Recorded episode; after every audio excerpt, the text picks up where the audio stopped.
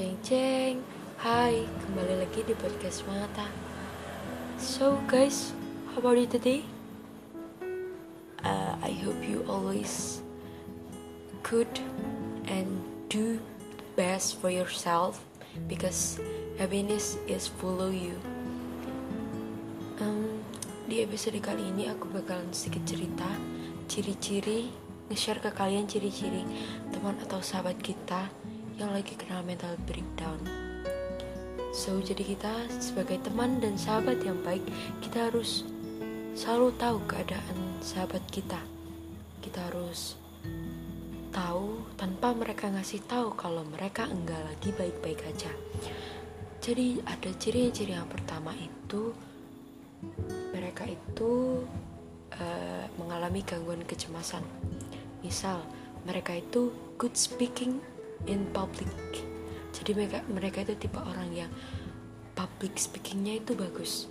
Terus tiba-tiba mereka disuruh maju untuk menjelaskan sesuatu sama guru. Terus dia bilang dia dia nggak percaya diri. Itu tanda-tanda yang paling bisa kamu uh, amati. Paling ya kelihatan mata lah. Terus yang kedua itu mereka tuh sering begadang. Penjelasannya itu gini menurut pengalaman aku pribadi seorang yang lagi kena mental breakdown mereka itu lebih melepas uh, bisa melepas kesedihannya saat malam hari. Jadi mereka kalau malam hari itu kerjanya pasti nangis overthinking ya semacam itulah. Terus kalian gimana cara ngetahui kalau mereka itu sering begadang? Biasanya mereka itu bakalan kalau mereka temennya baik mereka bakalan terbuka sama kalian. Mereka bakalan ngasih tahu tidurnya itu jam berapa. Ya tentunya kalian bolehlah tanya atau kalian juga bisa stalker di medsosnya kapan terakhir dia online. Yang ketiga mood mereka sering atau uh, mood mereka tuh sering banget berubah-ubah. Jadi moodnya itu berubahnya gampang banget dan itu drastis.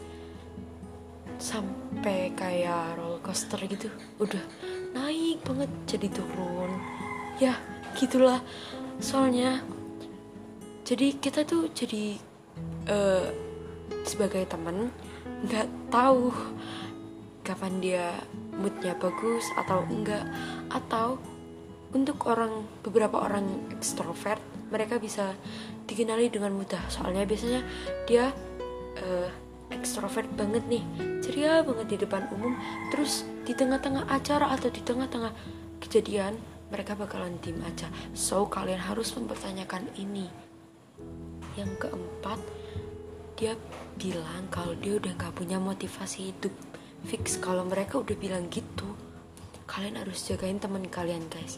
Soalnya uh, aku berdasarkan pengalaman aku aku sendiri udah pernah uh, ngerasain mental breakdown. Dan aku udah terbuka sama temen-temen aku. Bukan temen-temen dalam arti teman-teman yang apa sih? Maksudnya sahabat, sahabat aku aku udah terbuka. Wih gue udah nggak pernah ya udah gue udah gak ada motivasi buat hidup guys. Gimana nih karena aduh lah ini tuh gimana sih? Hidup gue gak punya tujuan banget. Nah itu kalian harus lebih ngasih sering ngesering ngasih motivasi ke mereka ya guys?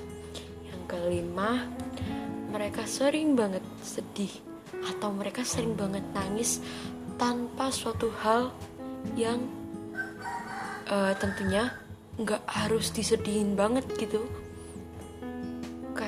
dia lagi dia lagi di kamar nih kita lagi di kamar. Uh, lagi uh, gimana ya? Kita ada ada ulangan lah ulangan.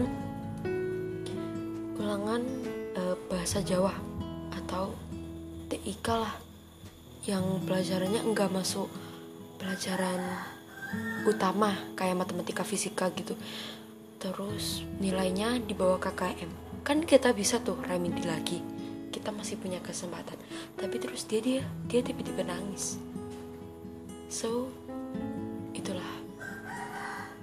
Ke, uh, saran gue sih kalau kalian punya temen yang lagi kayak gitu kalian harus pintar-pintar untuk jaga mood mereka. Soalnya uh, apa pun yang kita katakan kalau nggak ngena nggak bikin mereka bikin mereka bikin mereka apa ya bikin mereka nggak nyaman sama perkataan kita itu bakalan jadi hal yang berbahaya buat kesehatan mental atau kesehatan fisiknya.